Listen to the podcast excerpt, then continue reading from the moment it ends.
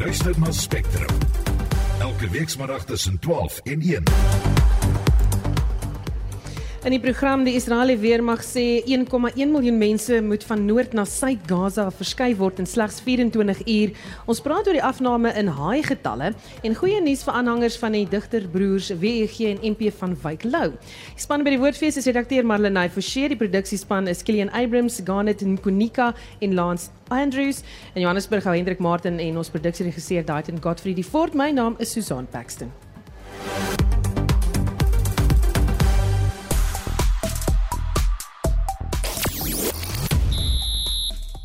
Jacques Nienaber maak aan verandering aan sy bokspan vir die Wêreldbeker kwartfinale strydkoop. Is Reinig is in die 15tal van de Klerk op die reservebank wat ook 'n 5-3 samestelling is.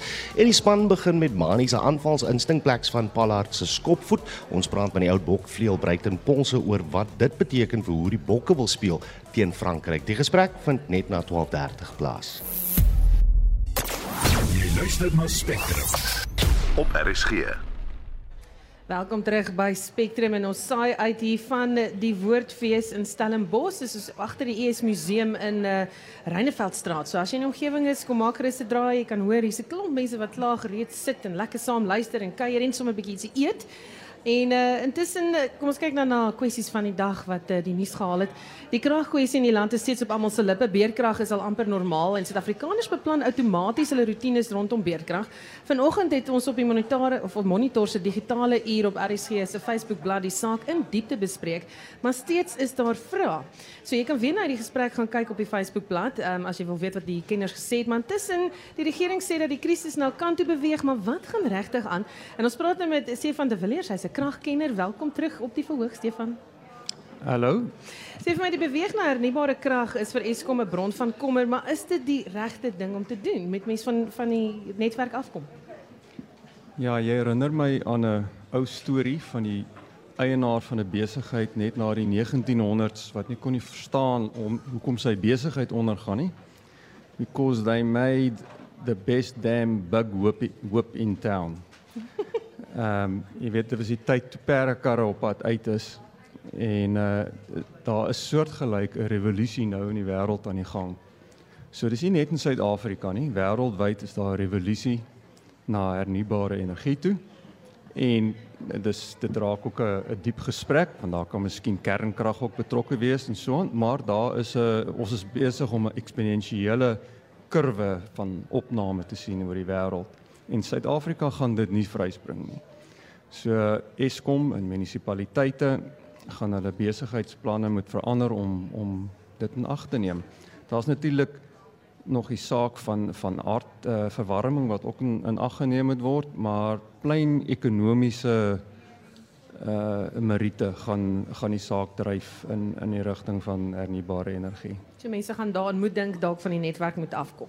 Ja, ek sou nie sê dis 'n kwessie van van die netwerk afkom nie. Ek dink baie baie uh, energie gaan op uh, site opgewek word, maar om ons industrie en groot verbruikers aan aan die gang te hou, gaan 'n krag in groot skaal opgewek moet word in sekere dele van die land, so son en wind waar die waar die uh, son en die wind goed is en die krag gaan dan oor die netwerk aan daai verbruikers gelewer moet word. So hulle kan nie net van die van die netwerk af nie. Hmm. En sê vir my, almal stoom voort met hierdie ontwikkeling van hernubare krag, maar ons is klaar agter in Suid-Afrika. Hoe haal ons in? Ja, dis 'n moeilike een. Ehm um, ons het daarom nou oor die laaste paar jaar gesien dat die regering en plaaslike regerings nou daarom aan boord kom. Dis nog steeds 'n gestoei, maar die die reëls en regulasies is in plek vir die privaat industrie om nou te begin intree. Ehm um, en ons is gelukkig dat huidig sit ons met 'n uh, 'n industrie wat kan lewer banke en en die geld uh, be, uh, befondsers staan reg om projekte te bou. Ons het egter een ehm um, hekkie wat ons moet oorkom en dit is dat die netwerk wat hierdie krag moet moet uh, versprei het 'n geweldige klomp werk en uitbreiding nodig. En uh daar is ons ver agter. En wat dit beteken en ek het vanoggend geëindig met my praatjie daarmee is ten spyte van die geld dat ons die wil het en ons in die geld uh trek ons hier weg met die handrem bietjie aan. En dit gaan 'n paar jaar vat om te kom op 'n punt waar ons genoeg krag en energie het. Mm. Jy verwys spesifiek nou na die transmissienetwerk. Dit gaan kos dat Eskom moet opgedeel word in 3 dele. Ehm um, jy weet hoe belangrik is dit? Ja, nee, dis uiters belangrik. Die uh wat ons noem die transmission operator wat heilig deel is van van Eskom is nou al gedeeltelik hy hy hy, hy werk nou al so half een kant by Eskom maar ehm um, daar is 'n proses aan die gang om hom totaal te ontbondel uit Eskom uit sodat hy op sy eie uh as 'n besigheid uh floreer en dan kan krag koop waar dit sin maak en dit versprei aan aan aan kliënte en daai is erg vertraag. So dit is 'n dit is 'n kommer en eers wanneer ons sien dat daai entiteit ontbondel is, sal die geld vloei om dan die uitbreidingswerk te doen aan aan die netwerk. Net dat ek noem dat daai al begin ons môre om daai 100 of 200 biljoen rand te spandeer wat nodig is, is dit 'n projek van 'n hele paar jaar. Baie dankie dat jy weer was. Dit was 'n kragkenner wat ons kom praat het oor waar ons staan tans en uh, die grootste probleem op hierdie stadium transmissie. Nou uh, dit was Stefan de Villiers. Dankie dat jy hier was. Goed. Die Verenigde Nasies sê Israel moet sy ontruimingsbevel dat 1,1 miljoen mense binne die volgende 24 uur van die noorde van Gaza na die suide van Gaza moet skuif, uh, terugtrek. Israel se weermag het inwoners van die hoofstad dringend aangeraai om die stad te verlaat vir hulle eie veiligheid. Israel beplan na alle verwagting 'n grondoffensief en Klerk het meer besonderhede. Duisende soldate van Israel se weermag, swaar wapentuie en tanks staan gereed op die Gaza grens vir die beplande grondoffensief. Nou Hamas het inligting aan Gaza inwoners versprei om die ontruimingsbevel te ignoreer, maar volgens die VN is dit onmoontlik dat so baie mense die gebied ontruim sonder verwoestende humanitêre gevolge. Meer as 2700 mense is reeds in Israel en Gaza dood sedert Hamas Israel Saterdag binnegeval het.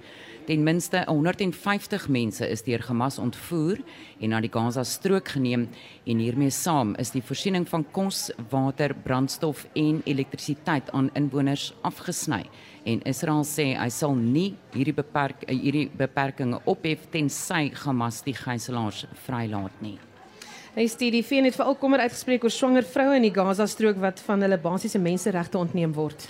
En ons praat hier volgens die VN se beraming van sowat 50000 swanger vroue wat op hierdie oomblik geen toegang het tot mediese sorg nie. Ons hou die ontwikkeling van hierdie storie dop. Baie dankie en dit was Esie de Klerk met die jongste nuus uit Gaza. Nou ons praat verder hieroor met 'n senior koördineerder van die NAC program by die Instituut vir Sekuriteitsstudies Willem Els. Goeiemôre Willem. Goeiemôre Susan. Die VN eis dat Israel sy ontruimingsbevel terugtrek uit vrees dat dit 'n reuse humanitêre nagmerrie kan word. Wat is die gevare hier? Ja, ons sien dat die die VN eh, het die, die eis eh, uitgespreek, maar ons weet ook dat die VN is redelik tandeloos uh in uh, in hierdie geval omdat uh, hy so verdeeld is oor die onderwerp. Uh die rede hoekom die VN dit sê is omdat daar nie genoeg tyd is 24 uur om om met, net oor 'n miljoen mense te skuif. Uh dit is 'n bietjie baie gevra.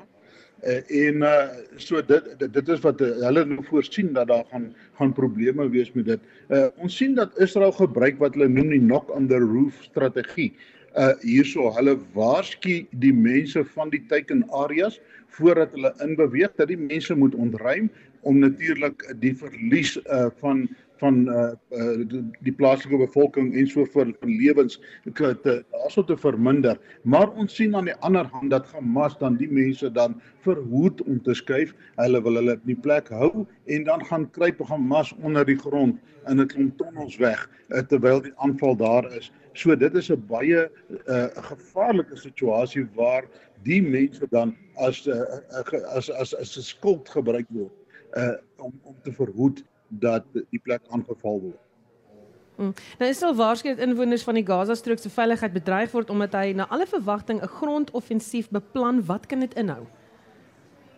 Ja, de alle aanduidings is dat hulle gaan inbeweeg. As ons gaan kyk, hulle praat uh, dat daar is uh, uh, meer as 1500 tonnels uh, wat onder die Gaza gebied is. Baie van die tonnels is tot 30 meter onder die grond. Hulle is uitgevoer met konkreet. Uh, dit is waar die die bevelstrukture sit, uh, die die wapenopslagplekke, dit is waar hulle vanaf uh uh opereer. Uh ons sien dat hierdie tonnels en die plekke wat hulle ook dan gebruik is volgens aanduidings uh ges, uh, geplaas onder hospitale en ander geboue uh om te verhoed dat Israel dit aanval. So dit is 'n vreeslike uh, uh, hoe kan ons sê unieke situasie wat die Israeliese weermag het om konvensioneel op te tree in 'n onkonvensionele situasie waar hulle asimetries nou moet optree in terme van oorlogvoering uh, waar die kriminele groep uh, wat dan teen hulle veg uh, die plaaslike bevolking gebruik as menslike skulde om hulle self te beskerm. En Israel uh, uh, word natuurlik staan nou voor die uitdaging om die mense uit pad uit te kry om dan die mense verlies te te voorkom en dan nog ten minste in te kan beweeg en dan die tonnel skoon te maak en ja Hamas terroriste uit uit te te, te rook waar hulle is anders gaan hierdie hierdie uh uh situasie om net aanhou en aanhou om te herhaal. Willem, hoe verskil die situasie wat afspeel in Gaza van byvoorbeeld konfliksituasies in Sirië en ander oorloggetuieerde gebiede? Ja, dit is 'n baie interessante vraag want as ons kyk na Sirië, uh, is daar geen strategie 'n uh, soortgelyk aan die knock on the roof 'n strategie wat Israel het om die mense verlies van van jou burgerlikes te voorkom nie. In Sirië, in Sirië wanneer daar aangeval word of het sy van af die regering se kant af of van die Russiese se kant af of natuurlik uh, van af die kant van die terroriste groepe wat daar is, dan uh, word die plaaslike gemeenskap geensins vooraf uh, uh gewaarsku nie en die oorlogvoering uh, vind dan plaas te midde van waar al hierdie mense wat dan natuurlik aansienlike lewensverlies is. En dit is wat die Israeliete uh die Israeliese regering probeer verhoed. Daar's aanvanklik daar's natuurlik baie druk op hulle om om die uh, die uh, lewensverliefde vir te te verhoed van die burgerlikes want ons sien ook dat Hamas gebruik hulle hulle propaganda masjien uh, uh, uh, uh, is is baie sterk daarop ingestel om die uh, die dood van van burgerlikes dan voorop te stel. Uh, wat hulle natuurlik op 'n groot mate bygedra het om te verhoed dat hierdie mense uit hierdie gebied uit verwyder word voor die aanval gebeur. Ons het in 'n ander geval ook gesien dat waar die mense gewaarsku is om te beweeg van die geboue af, dan wanneer die vliegtye in beweeg, dan word daar mense geplaas op die geboue en toe ja. die die die loodse dan sien dat uh, daar is uh, mense dan uh, stop hulle natuurlik die aanval en en dit is 'n taktik van Hamas. Baie dankie praat met 'n senior koördineerder van die INAC program by die Instituut vir Sekuriteitsstudies, Willem Els. AgriSA se jaarkongres in Johannesburg loop vandag ten einde. Die kongres is vanjaar gebaseer op die tema voedselsekerheid. Ons praat met die hoofuitvoerende beampte van Graaf Fruit, is Robert Graaf. Goeiemiddag Robert. Goeiemiddag. Hoe gaan dit? Met my gaan dit goed, maar jy praat spesifiek oor die veiligheid van kos om voedselsekerheid te kan verseker. Hoe kan die veiligheid van voedsel bepaal en beheer word? Ja, ek dink mense baie mense weet nie wat die wet van veiligheid van kos betref is ehm um, akte 36 van 1974 en uh um en dit is wat alle chemikalie en kunsmisstowwe en goed wat ons kan gebruik op vrugte en groente word beheer daai die daai wetgewing. En sê vir my Robert, hoe kan voedselsekerheid gewaarborg word deur middel van doeltreffende logistieke reëlings? Well, obviously die kostes en die beskikbaarheid word grootliks getref deur ons verspoorstelsel en uh, soos almal weet, is dit onder groot druk op die oomblik spesifiek by Transnet en uh, by die uh, Harvard. En jy sê, ehm um, wat is nou die pad vorentoe? Hoopelik ehm um, sal ons regering die lig sien en en, en kyk na privatisering van ehm um, ons openbare ehm um, vervoerstelsels want uh, ek dink almal uh, besef dat dit uh, die private sektor kan dit baie meer doeltreffend beheer bestuur as die as die huidige regering. Baie dankie ons gepraat met die hoofuitvoerende beampte van Graaf Fruit Robert Graaf. Die nasionale departement van gesondheid beoog om van volgende jaar af nuwe enstowwe in die land bekend te stel en te versprei. Die veldtog sal bekend staan as die uitgebreide immuniseringsprogram of program eerder en gaan na rabing 3,5 miljard rand kos. Die minister van gesondheid Dr Joe Pagla het die aankondiging gister in Centurion gemaak na 'n vergadering met die nasionale gesondheidsraad en Vincent Mofokeng volg vir ons die storie. Pagla sê daar is steeds te veel siektes in die land wat deur enstowwe verhoed kan word. Susan volgens hom sal daar dus die behoefte wees om 'n bestaande enstowwe te verbeter en om nuwe inentings tot babas en kinders se roetine enstowwe te voeg. Hier is wat die departement beoog. There's improved uh, vaccinations which we are going to be delivering uh, to prevent uh, whooping cough, tetanus, diphtheria. There are new vaccines which we are introducing. Uh, these new derivatives will reduce the chances of resurfacing of some of these conditions in the community. We are also introducing a combination vaccine of measles and rubella. So intussen gaan die departement van gesondheid aan die einde van die jaar 3 miljard rand se COVID-19 en stowwe vernietig omdat dit teen die einde van die jaar gaan verval. I think I would say that it was uh, worthwhile to have the stock to make sure nobody knew in the beginning of 2021 when we had to buy these vaccines how long COVID was going to. They were all sort of, even all the professors, they will always tell you projections with a disclaimer. So we had to err on the side of caution. Intussen sê Patla dat Suid-Afrikaners wat simptome van voëlgriep toon, onmiddellik mediese hulp moet soek. Our specialists at NICD, what they have reported to us is that uh, persons with known or suspected close contact with dead or sick beds from avian flu and who present with upper or lower respiratory tract symptoms or conjunctivitis, that's the infection of the eyes, should seek medical attention. All individuals exposed to avian flu should be monitored for 14 days for respiratory symptoms. Dit was die minister van gesondheid, Dr Joe Patla. En uh, dit was Winsome Mofokeng wat daardie verslag van Prabashini Moodley afgesluit het. Nou ons saai regstreeks uit van die Woordfees in Stellenbosch en dit is die laaste spektrum op die verhoog hier by die fees want die week is verby kan jy glo. Kom ons hoor gou-gou uh, hoe gaan dit sover en ons praat met die feesdirekteur Saartjie Botha. Saartjie, daar's diegene wat sê dis 'n stiller jaar as vorige jare, ervaar jy dit so? Ehm um, dis definitief heelwat besigger as verlede jaar. Ons is nog nie op 2020 die pre-COVID ehm um, getalle nie, maar die fees is ook kleiner as wat dit in 2020 was. Ons is baie tevrede met ons kaartjieverkoop op die oomblik. En sê vir my, dis die tweede jaar wat die fees in Oktober gehou word. Gaan julle dit nou hou in Oktober of terugskuif Maart toe? Uh, dis 'n besluit wat nog nie finaal geneem is nie. Ehm um, en ons is uiteraard in konsultasie met almal want dit nie met almal nie, maar met baie rolspelers. Want dit beïnvloed nie net die woordfees nie, dit beïnvloed die ander landskap van kunstefeeste in Suid-Afrika. Dit beïnvloed die dorp. Ehm um, Stellenbosch het baie spesifieke weer, so ons kan nie die fees in enige tyd van die jaar aanbied nie. Die universiteit ehm um, het sekere aktiwiteite wat wat dit ook onmoontlik maak om gelyktydig goed aan te bied en dis 'n ou dorp met beperkte infrastruktuur. So ons kan ons moet oordeelkundig wees in wat ons doen en uiteindelik seker maak dat ons die woordfees se volhoubaarheid ehm um, verseker maar ook dat ons die groter bedryf dien. Hmm. Is daar iets wat julle anders sou doen volgende jaar? Ehm um, ons sal waarskynlik hierdie verhoog aan daai kant sit en die tent, in die karavaan aan die kant dat daar nie steurdes in die in die boektent is nie, maar ek dink dit is in hierdie stadium die grootste klagte. Ek hou van hierdie dak skuif die boektent. vir my makliker. Wat het jy persoonlik uitgestaan? Uh, ek dink die die die dankbaarheid en die meelewing van feesgangers. Dankbaarheid is miskien nou die verkeerde woord, maar die meelewing van feesgangers is my regtig wonderlik vanjaar nie net teenoor die fees en die organisering nie maar teenoor kunstenaars. Ek dink regtig kunstenaars voel gekoester hulle voel gewaardeer. En ek ek ek dink dit gaan hopelik mense inspireer om volgende jaar net nog dieper te delf en nog beter werk te doen. Baie dankie. Dit was uh, die feesdirekteur hier so Saartjie Botha. En ek wil dan net sê 'n woordfees sal nie 'n woordfees wees sonder RSG nie baie dankie vir die ongelooflike bydrae wat julle lewer om die fees nie net hier lekker te maak nie maar dit ook na luisteraars te neem wat nie hier kan wees nie Fantasties, dis ons plesier dink ek. Hou ons net onder die dak. Dankie Sarkie. Nou gepraat van die fees, Daneline Ramsden, skrywer en akteur van die produksie Die Antisoeke Ben 10 is hier op die verhoog hier by die Woordfees.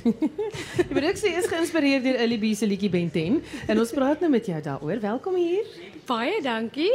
Sê vir my vir diegene wat nog nie weet nie, wat is 'n Ben 10? Soos ek 'n Ben 10 verstaan, is dit 'n ouetjie wat jonger is as die vrou So maar ek dink seker soos jare jonger. Ehm um, sê 20, 30 vat ek hom nou maar. Maar wat ek het breër daarna gekyk en gesien, maar jy kan 'n vrou kry wat iemand jonger na lewe het en dit dis miskien iemand wat 10 jaar jonger is. So as jy 50 jaar is, dan sit 'n Ben 40. Jy weet so kan dit sommer. Want net so kry jy die mans wat jonger vrouens of jonger meisies het en dan praat hulle van die Gwen 10. Ek weet nie. Ons lik nuwe liedjie, het iemand gehoor? Dis- Die produksie het 'n interessante nadraai en dis dat almal jou nou etikeer as 'n tannie wat 'n Ben 10 soek of 'n jong man. Hoe hanteer jy dit? Nee, wat ek lag alles af soos almal my ken. Dis is eintlik baie interessant want die ding het nou so vlam gevat en ehm um, ek kry verskillende reaksies van verskillende mense en dit is vir my goed want dit sit ook die tonge aan die praat. En dit mense dink dink daaroor en dink miskien anders daaroor. Want ek het besef dat mans kan so maklik sê hulle het 'n jonger vrou of 'n jonger meisie en dit is oukei. Okay. Maar as dit sodra dit by die vrou kom, dan word die vrou veroordeel. So ek staan nou eintlik hier op vir die vrouens. Wat sê ek wonder of jy gevra het want wat is die verskil? Dankie. Ja, dankie. Applous. ek klap sommer saam met julle hande. So, so wat is die verskil hier? Want hulle praat van 'n hierdie oom met 'n jong blaartjie. So hoekom kan die vrouens nie ook 'n jong blaartjie hê? Dis ook wat ek voel. Ehm um, baie keer dan is dit iemand wat 'n baie jong gees het.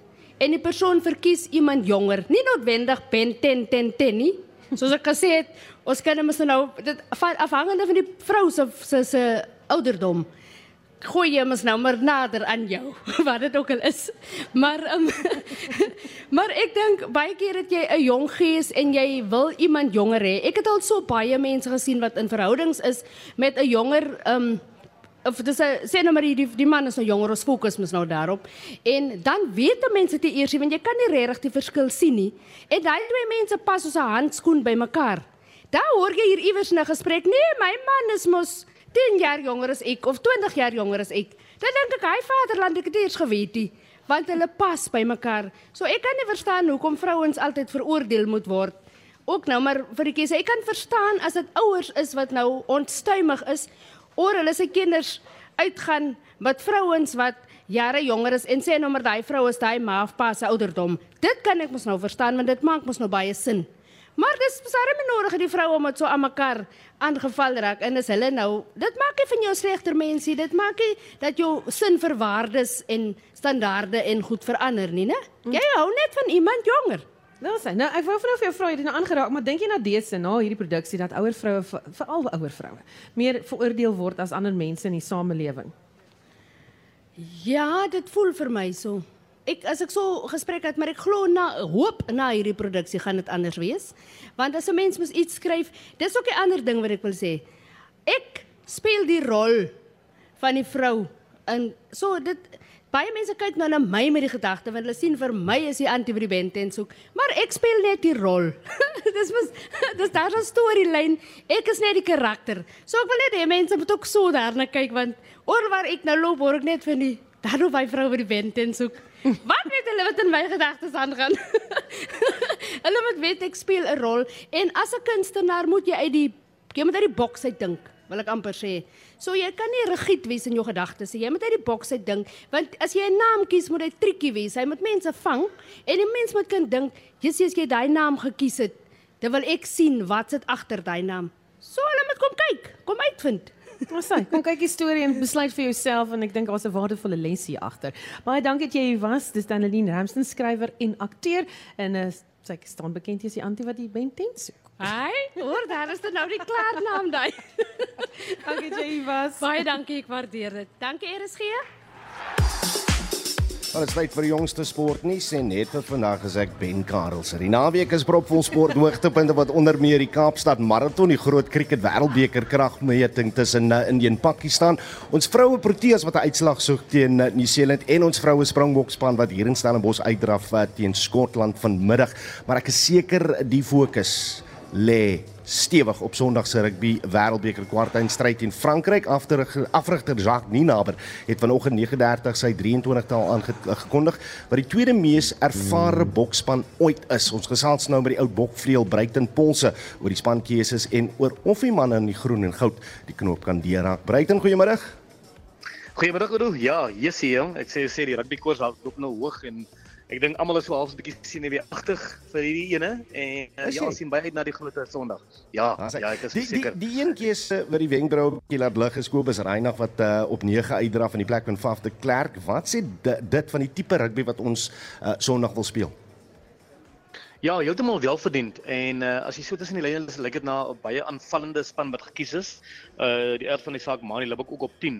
Uh Kobus Reinig is natuurlik baie aanvallend, maar sy sy sy sy sy hoekskoppies en sy sy kaskoppies soos mense kan sê, uh jy weet was die laaste jaar of wat uh so klein bietjie beter as Fafsin. En ek dink teen die Franse ook kan jy nie doelloos wegskop nie. En as jy die vorige wedstryd bietjie analiseer, kan jy sien dat Faf het 'n paar belangrike skoppe te diep geskop, jy weet, of te naby hy het dit heeltemal reg gekry en dis waar Kobus Reinagh met sy ervaring vir jou ehm um, heeltemal jy weet daai wil amper sê 'n rustige kan gee as hy dit skoppe loods in die lug. Die Reservebank is ook 'n 5-3 samestelling na al die bespiegeling oor die terug van 'n 7-1 formasie. Wat sê dit vir jou Breiten? Ja, ek dink jy weet in 'n kwart eindstryd uh, kan dan nie hoë risiko vat word nie en ek dink die die hier ouens het besluit om nie hoë risiko te vat nie. Obviously uh, jy weet Andre Polle wat op die bank is, jy weet oh, so dinge bietjie bietjie lol met met Mani wat Paul Thomas op sal hy seker opgebring word. Ehm um, maar aan die ander kant, aan die ander kant, jy weet dink ek wil die ouens meer rustig hê. Ek dink uh, Frankryk uh, se se agtal is een wat jy kan onderskat nie, maar ook jy weet hulle hulle hulle kwesbaar raak as jy as jy hulle gaan boelie, as jy in gesigte gaan wees en so voort. So ek dink ons het genoeg manne wat wat die pap kan dik maak en dan is ek nogal baie baie beïndruk dat dat Rassie met Dwayne van Beelen gaan het. Ek dink hy Hy is in vorm op hierdie stadium en sy ervaring genoem die ervare span, die tweede meeste ervare boksspan ooit, jy weet, uh, in 'n lang tyd. En dit vir my sê sê jy weet die ouens, hulle gaan nie hulle gaan nie uh, kansse vat nie. Hulle gaan vir ervaring, hulle gaan vir vir manne wat die ding kan doen op die dag vir hulle. En is baie interessant dat ons het vroeër genoem dat die aanval uh die aanvalsgeleenthede lyk like my gaan gegee word. Maar ons almal weet dat uh, eerste 20 minute gaan ek dink in my opinie dink ek dit gaan so 'n bietjie meer van 'n van 'n boksgeveg wees, maar dan gaan mekaar so 'n bietjie voel voel ek dink jy die staanspoor van Mani Libok en net maar die balle begin uitgooi nie. Uh so ja. ek dink op 'n stadium in die tweede helfte dinge so 'n bietjie los begin raak en dis wanneer ons gaan wag dat die ons die kans gebruik. Ek wonder tog Breitie want want hierdie wedstryd baie verwag het gaan 'n klassieke toetswedstryd wees soos ons teen Ierland gesien het, maar ek dink al twee spanne gaan bietjie meer aanvallend wees in daai eerste 40 minute. Dink jy nie so nie? Ek stem saam met jou. Ek stem saam met jou. Ek dink net soos ek sê die die eerste 10, 15 minute gaan so bietjie konservatief wees. Want daar van die saak dis 'n dis baie op die speel. Jy weet dis dis jy speel wedstryde as jy uit is as jy uit. En ek dink ek dink in die begin, ek dink Frankryk of Suid-Afrika, ek kan ek kan nie sê gaan gebeur eers 20 minute dat die ouens in die balle gaan wyd vat nie. Jy weet Uh ek dink Frankryk uh op die ander kant is 'n bietjie meer, hulle gaan dalk so 'n bietjie meer uh waghalsig wees. Maar ek dink van 'n Suid-Afrikaanse oogpunt, as jy mooi dink in 2019, ehm um, het ons natuurlik hierdie, jy weet, tipe van uh eenvoudige, simpel direkte rugby gespeel. Jy weet, die skop, die dryf, en daai tipe van ding. Ek dink net ek kan net nie die bokke sien dit gaan doen die 20 minute nie. Ek dink dat West teen All Blacks was 'n keer van 'n vloek geweest in terme van ons aangeval het, maar ek kan dit hulle ek kan hulle sien doen die eerste 20 minute in Frankryk. Want Frankryk het spelers op op hierdie stadium wat baie goed antisipeer en wat kan kan ehm um, jy weet uh onderskep drie ook druk. So ek dink dit gaan so 'n bietjie 'n bietjie braaf wees en so bietjie bietjie miskien te hulle karakter wees as hulle die bal van die begin gaan rondgooi. As hy, dit was die ou bok vleuelbreiten polse. En dit was Ben, ek bedoel Udo Karelse met die sport vandag. Die Kaapse folk rock groep Dan Homsey is volgens aan die beurt en vir die eerste keer op ons verhoog en hulle sê hulle gebruik lirika as instrumente om verhale te vertel, maar tog het julle instrumente hier vandag. Hoe werk dit? Ja, wel, ehm um, ons ons heidaglik as 'n as 'n drie stuk wat ons optree heidaglik. Ehm um, oor die algemeen is ons is ons 4 of 5 mense en ja, ehm um, ons lirieke is baie belangrik en ons wil mense se verhale vertel, ehm um, persoonlikhede van onsself uitbeeld en ja, ons wil hê mense moet net ehm um, baat vind by wat ons probeer sê. Wat gaan julle vir ons sing? Uh ons gaan ons nuwe enkelsnit uh Sia sing wat die uh, nou in September vrygestel is. Ehm um, dis vir ons 'n opdrag aan ons Springbok kaptein wat ons heidaglik so trots maak. Daar. Baie dankie.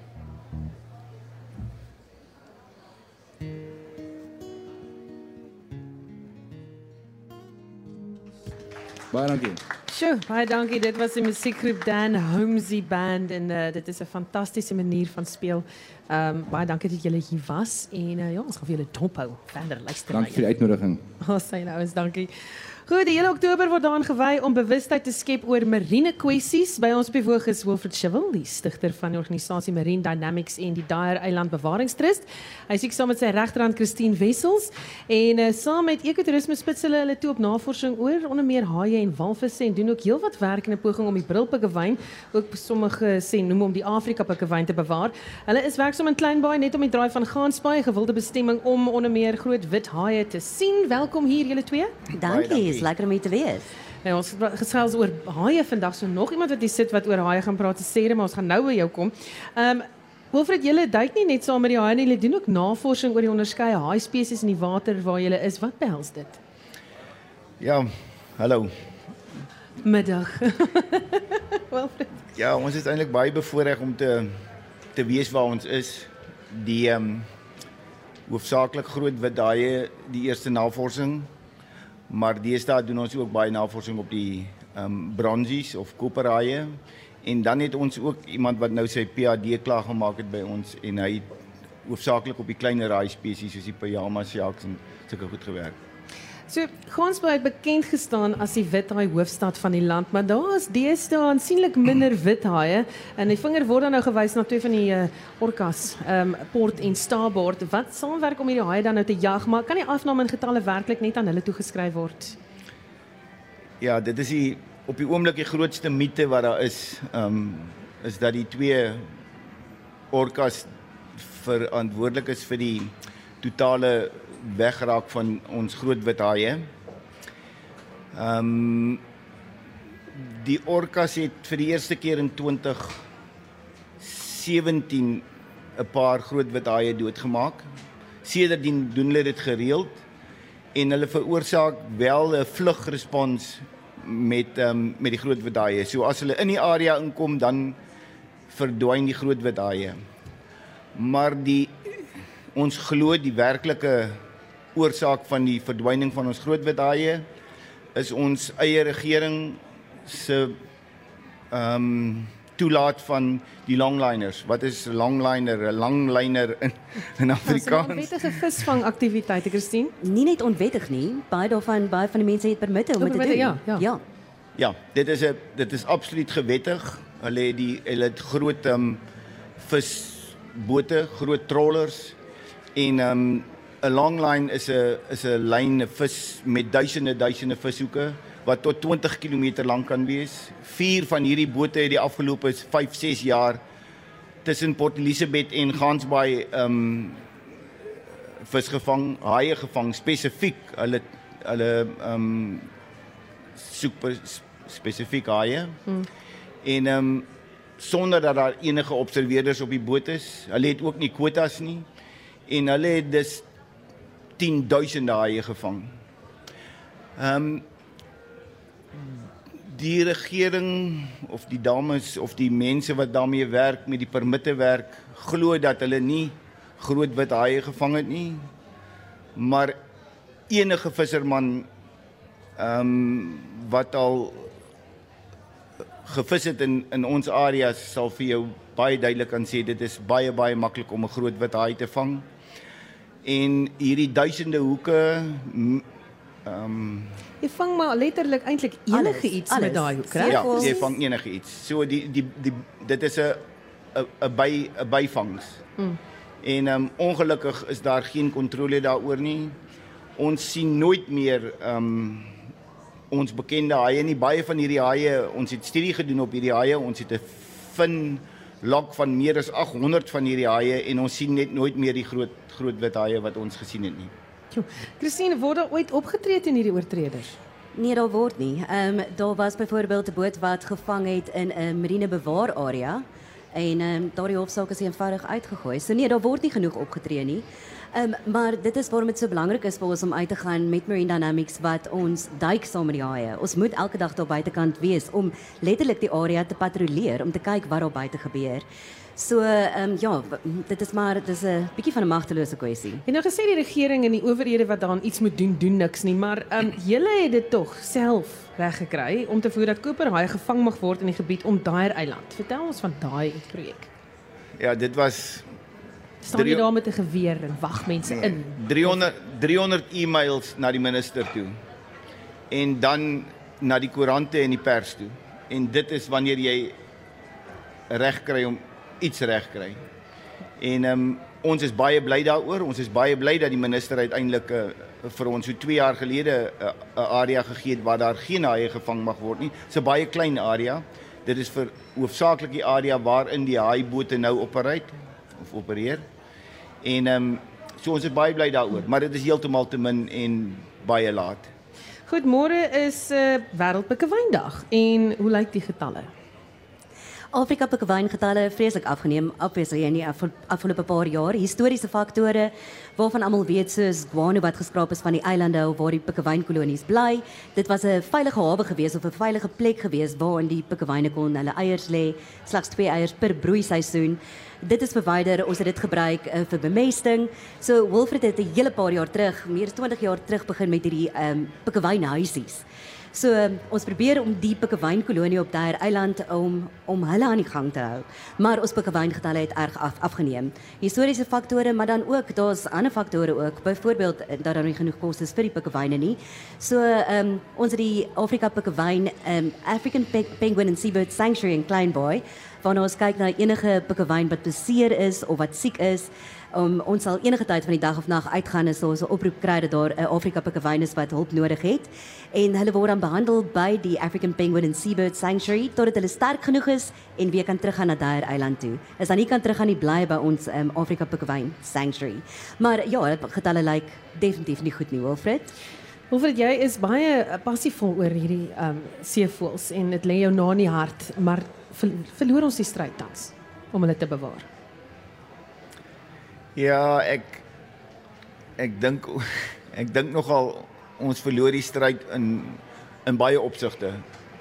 Ehm um, wat die natuur betref oral. Dit gaan nie net oor die oor die pikkewyne nie. Ek dink ons visserybestuur is is swak. Ehm um, as jy kyk na die na die poaching om ons kus en dan ehm um, al hierdie al hierdie goed skakel met mekaar en alles het 'n het 'n verband. So ehm um, party jare goed, party jare swakker. Ons verwag hierdie jaar dat ons 'n klomp ehm um, uh kuikens ons gaan heel moontlik nou binnekort 'n klomp kuikens van die eiland moet afhaal wat daar net gaan sit in in in doodgaan van die honger omdat hulle ouers besig is om te verveer. En ehm um, ja, ons ons en baie ander organisasies probeer ons bes en ehm um, hier net nou 'n ou gesê dis tyd dat die regering wakker skrik. Ek dink dit is nou regtig tyd dat die regering wakker skrik en ons ja. in 'n groter hande aanspeel. Christine, so net so vinnige sinnetjie want ek moet of is jy klaar met hy gesê wat jy wou sê? nee, nee, is nog baie wat ek sal kan sê.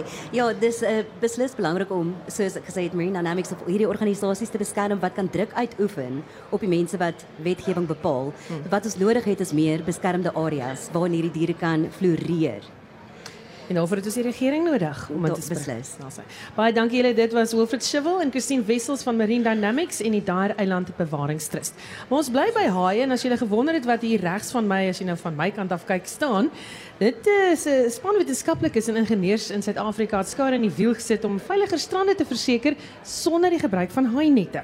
'n Buitengewone lektor aan die Universiteit Stellenbosch Departement van Biologie, Dr. Sarah Andriati, is deel van daardie span. Sy het die maatskappy Shark Safe Barriers gestig en Laurie Barwell, ook op die verhoog is een van die ingenieurs daar. Hy ontwerp hoe daai ding staan in die see.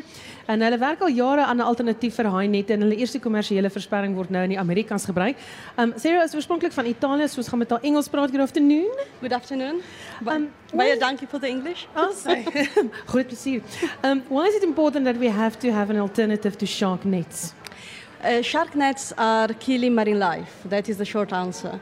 They've been introduced in South Africa in 1950 with the precise objective of reducing the shark population to reduce the shark human encounters in the name of tourism. These nets are also killing, besides large sharks, including white shark, they're killing whales and turtles, you name it. They are not selective, and this time we move away from them. Mm. Um, what does it look like, and how do we get it in the ocean? The, the shark nets of our barrier. Your barrier? Our barrier. Our barrier is the first eco-friendly alternative to these nets. We're getting in the ocean by anchoring it on the substrate. It looks like a thick forest of kelp. So imagine three rows of these long poles, black, just like our kelp forest. And on the outside row, we have strong magnets in. So we have a double shark deterrent in our system. They look like a forest they don't, don't like, and then the magnetism creates a field that is a shark deterrent. So sharks don't like magnets. They don't like magnets. They can detect very minute magnetic and uh, electric fields in the ocean, and we harvest this knowledge to keep them away. I'm going to bring Laurie in hier en ek vir jou in Afrikaans vra. Ehm um, gaan die golwe nie hierdie, jy weet, toestel skuif nie. Ja, dis natuurlik een van die Lekker naby aan die mikrofoon. Dis een van die ehm um, challenges wat ons het. Ehm um, maar dit is so ontwerp dat dit net soos 'n seebamboes uh, beweeg saam met die golwe en dis natuurlik vasgeanker net soos 'n seebamboes. So ons het ge geleer uh hoe, hoe dit werk in die natuur en die, ons, ons pas dieselfde prinsip toe. Hmm. So dit het 'n uh, in Gansbaai het dit al baie baie groot storms deurgegaan en ook baie sterk strome. So how much research have you done so far to determine if this is going to be successful? Just 14 years of those. because we started the first prototype, the first time we put it on paper was 2008. We started the prototype in 2012, so that's 10 years. And we tested it with the bull shark and the white shark and trying to convince the sharks to cross it using bait on the other side, and they never did. Hmm. So these barriers are now being used already. Um, is there any interest in South Africa to use them? Yes, there is interest. We actually got a written support from the B2 municipality in Plettenberg Bay. We have the locals that are very keen, of course, to have some sort of protection in that area. And now it's a matter of fundraising, governmental permission. It's very challenging to work with municipalities in South Africa because, of course, they don't have the same amount of funds that overseas client might have. So we have to provide the solution and raise the funds and organize the permit, the governmental permit. So it takes longer, but I believe we're going to get there. Laurie, um, sê vir my, die produk word hier vervaardig, so gaan dit werk skep? Ja, dit, ons het 'n ons het 'n baie 'n spesialis uh um plastiese vervaardiger in Maitland. Hy werk saam met ons. En dan ons ook mense wat die metaalwerk doen. So dit, dit staan op 'n op 'n op 'n baie op 'n vlekvrye straal staal uh, basis. En dan het jy nou hierdie uh, uh, plastiese pype wat uh, die seebamboes mimiek en hulle maak dit. Dis 'n groot fabriek. En as jy dink 'n 30 meter um, barrier het het 'n hele hele um, skeps um, container vol goed wat jy moet uitvoer. So as jy tipies 300 na 600 meter van hierdie goed moet uitvoer is dit baie. So dis baie werkskepping ja en is als plaaslike uh, vervaardigde goed Goed, so as jy nou wil as jy hierso sit en jy wil sien hoe dit lyk, dan kan jy gaan kyk daar hoe dit werk. Hier's ook sulke dokumente beskikbaar. So jy kan vra daarvoor as jy nie een gekry het nie. En dan kan jy uh, sien hoe dit lyk en lyk onder die water en hoe dit werk. Ehm um, kyk gerus, dit's baie interessant. Dankie. Uh, thank you so much for being here, um Sarah. Thank en you so much. Ek dink dit is 'n baie goeie idee dat ons die haai op 'n so volhoubare manier kan uh, red en beskerm teen die mens wat daar in die see inspring. Ehm uh, dit was Sarah Andreotti en Laurie Barwell wat gepraat het daaroor. Ook, ons probeer weer die huis waar die veelbekroonde Afrikaanse digterbroers eh, WEG en MP van Wyk Lou in Sutherland groot geword het, gaan binnekort omskep word in 'n letterkundige museum om hulle te vereer. Die huis wat vroeër reeds 'n museum was, het egter toegemaak, maar 'n groep liefhebbers van die Afrikaanse taal het gaan uh, ondersoek instel en sê nee, nee, dit gaan nie gebeur nie. Ons praat nou met die direkteur van die museum Japie Gous. Goeiemôre Japie. Goeiemôre. Ons skryf ons wat alles in die letterkundige museum uh, gaan gebeur. Uh die huis was 'n museum gewees met spesifieke kamers uh vir NP van Wyk Lou en WEG Lou met baie van hulle boeke en uh, en toekennings en en so aan. So wat ons nou gaan doen is swak toestand. Uh ek wil nie sê hy val in mekaar nie, maar daar moet 'n hele klomp werk gedoen word uh om die huis weer in 'n aanvaarbare toestand te kry. So ons gaan nou dit alles regmaak eerstens en tweedens ons gaan dan spesifieke uh uitstallings maak ten opsigte van die werk van NP van Wyk Lou en van WEG Lou en ook miskien van ander uh, plaaslike skrywers wat uit daardie geweste uitkom. Het jy borge gekry en gaan die museum deur 'n direksie bestuur word? ja, die museum was aanvanklik in 'n in 'n beheerraad gevestig.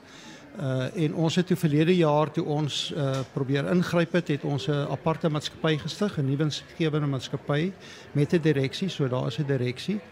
Uh wat befondsing betref, het ons nou oral uh, doen ons nou maar aansoek en hoor van mense wat dalk belangstel om ons te help. En die goeie nuus is dat ons nou so 3, 4 weke gelede gehoor het dat die historiese huise van die Rupert Stichting gaan vir ons die geld voorskiet om die huis fisies reg te maak. Hmm. So ons is op die oomblik besig om kwotasies in te win en so aan en ons gaan binnekort gaan ons met daardie werk begin. Hoekom is dit vir julle so 'n belangrike projek? Miskien is omdat ek so oud is.